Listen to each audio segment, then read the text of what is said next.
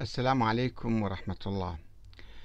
التقيت اليوم بالشيخ عبد الحميد المهاجر، الخطيب الحسيني العراقي المعروف، وهو كان أستاذي في مادة النحو قبل حوالي خمسين عاما سنة 1968 وقلت له استمعت إلى عدد من محاضراتك الجديدة. ورأيت فيها عنفا غير مبرر ضد الخليفتين أبي بكر وعمر. وقضايا تاريخية ميتة تحاول أنت يعني إثارتها هذه الأيام بلا أي فائدة. ومحاولة لتأكيد موضوع النص على الإمام علي وهو أمر لا يقدم ولا يؤخر حاليا سواء كان يعني الإمام عليه نص ولا ما عليه نص الآن ماذا يفيدنا حاليا؟ الكلام هذا يعني. فإن الشيعة اليوم قد وضعوا نظرية النص وراء ظهورهم وتبنوا نظرية الشورى اللي دائما إحنا نسبها ونلعنها. وتبنوا الديمقراطية والانتخابات كما في إيران وفي العراق ولبنان وباكستان وأفغانستان. فإذا كانت الشورى باطلة فلماذا يعمل بها الشيعة اليوم في العراق وإيران؟ فلم يعجبه كلامي وقام وذهب واستيقظت من النوم في الحقيقة. في الحقيقة أنا آه، رأيت هذه الرؤيا لكثرة ما آه، أنا آه، متألم من أحاديث الشيخ عبد الحميد المهاجر صديقي العزيز وأستاذي. يعني هو طبعا يحمل هاي الثقافة التقليدية المعروفة الموروثة يعني الثقافة الإمامية الاثنى عشرية. وسألني بعض الأخوة أنه هل الشيخ عبد الحميد مجتهد؟ أو لا. أه، حسب تجربتي معه ومعرفتي به الشخصية هو كان يعني أه، خطيب. والخطباء كما تعرفون لا يدرسون الفقه كثيرا وأصول الفقه والحديث وعلم الرجال وعلم الكذا لا يدرسون هالأمور. وهو لم يدرسها حسب علمي. إنما كان يأخذ شرح نهج البلاغة يأخذ أه، تاريخ الطبري يأخذ التواريخ المختلفة ويلتقط منها ويسجل المحاضرات كما كنت أشاهده يعني في تلك الأيام.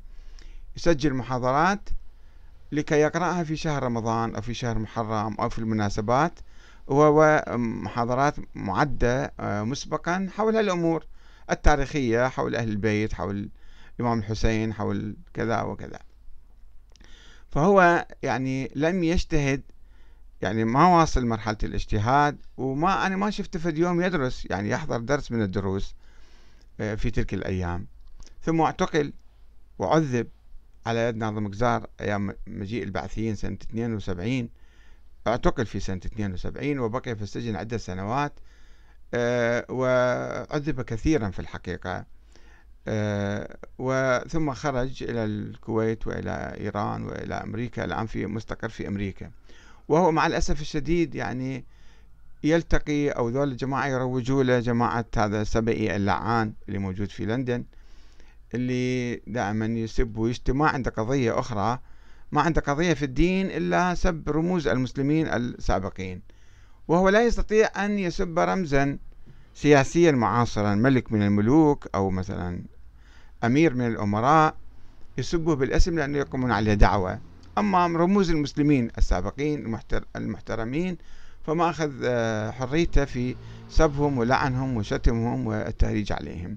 وتقديم صورة مشوهة سلبية عن الشيعة. الشيعة الآن يحاولون التخلص من الثقافة الصفوية. الصفويون أشاعوا هذه الثقافة عندما استولوا على السلطة قبل 500 عام وكانوا يعني يجاهرون باللعن والسب.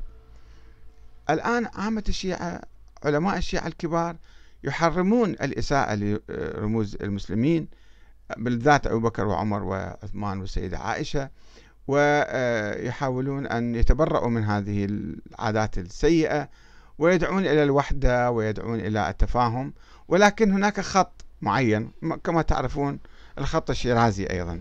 خط الشيرازي لم يكن كذلك. عندما كان السيد محمد الشيرازي مؤسس هذا الخط لم يكن بهذا العنف ولم يكن بهذه الصورة السلبية ولكن أولاده وأحفاده وأقربائه انغمسوا لأنهم تهمشوا عن الحياة السياسية في العراق وإيران. فما عندهم قضية يتاجرون بها ويعيشون عليها إلا هذه القضايا التاريخية. عندهم قنوات فضائية عديدة. بعضها معتدل وبعضها متطرف جدا مثل هذا قضية قناة فدك وغيرها اللي موجودة في لندن.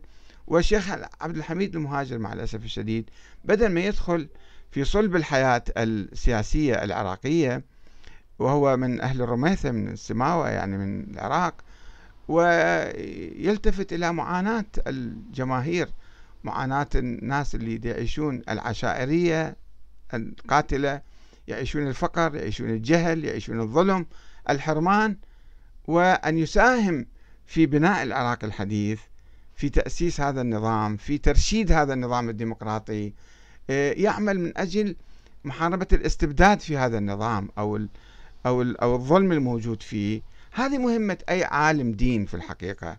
أما أن يجي يخطب بالقضايا التاريخية الميتة التي لا تسمن ولا تغني من جوع فهذا ما يفيدنا شيء. لذلك أنا بالحقيقة آه، أستمع إلى بعض محاضراته وأتألم كثيرا ولا أدري كيف أوصل صوتي إليه حتى يعني ما أدري يعني أنا آه، يحق لي أن آمل أنه هو يغير حياته يغير تفكيره أو لا. عندما كتبت كتابي آه، الإمام مهدي حقيقة تاريخية أم فرضية فلسفية تحدثت معه عن الكتاب فأعجب بالحقيقة بالموضوع. قال لي كل المواضيع اللي تذكرها والأحاديث كلها أنا سامعها ولكن كيف استنتجت هذه النتيجة؟ هذا قبل ما أكتب الكتاب كنت أبحث في الكتاب وهو كان في إيران.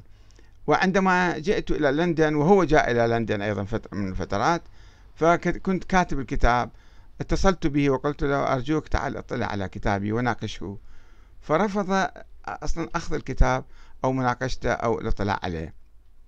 ولا أدري في وراء ظهري هو راح شاف الكتاب بعد ما طبع يعني واطلع عليه أو لا وما يحب يطلع على الرأي الآخر. فأرجو منه أن يعيد النظر في نظرية الإمامة. يدرسها من جديد دراسة معمقة. دراسة نظرية الإمامة ودراسة نظرية وجود الإمام الثاني عشر وما يخلص من ذلك. يعني بعدين إحنا شنو نسوي؟ هاي النظرية كانت موجودة عند بعض الناس ووصلت إلى طريق المسدود وانتهت وانقرضت وبادت وراحوا الشيعة الإمامية الاثنى عشرية. ظلوا بعضهم ألف سنة ينتظرون ظهور هذا الإمام ولم يظهر فذهبوا إلى النظام الديمقراطي ونظام الشورى والانتخابات. فإذا عليه أن يواصل حركة الشيعة يواكب حركة الشيعة المعاصرة اللي آه، يعني تهتم بالاستقلال والحرية والعدالة والديمقراطية لجميع الناس وليس للشيعة فقط. أما أن يجلس في زاوية بعيدة في أمريكا مثلا ويعمل استوديو جميل حلو ويبدأ بالكلام غير الحلو. هذا مو لطيف. أنت بدل ما تجمل الاستوديو مالك بشكل مرتب حاول ترتب كلامك يا شيخ عبد الحميد يا أستاذي المحترم يا أخي يا عزيزي. نحن بحاجة إلى ما يوحد العراقيين. نحن نعيش فتنة طائفية فلا تصب الزيت على النار. حاول أن تقتلع هذه الأمور المتطرفة والأمور السلبية من من الإثارات اللي ما فيها معنى. الولاية الولاية. طيب وأين هي أين هم الأئمة حتى نواليهم؟ الولاية يشترط فيها أن يكون الشخص موجود حتى نوالي أما نوالي بعقلنا وبفكرنا ماذا أي واحد يمكن يسوي العمل هذا؟ ما يخسر شيء. أنت أنت المهم أن توالي من يطبق العدل والحق في بلدك. وأنت تكون في مقدمة المنادين بتطبيق الحق والعدل. أنت يجب أن تكون إماما مهديا يا شيخ عبد الحميد مهاجر. أنت يجب أن تكون إماما مهديا. تكافح الظلم والزور والجور والاستعمار والاحتلال والفساد والاستبداد وتكون مطبقا للعدل. والسلام عليكم ورحمة الله وبركاته. هذه الرسالة حبيت أوصلها وما أدري توصل إلى أو لا.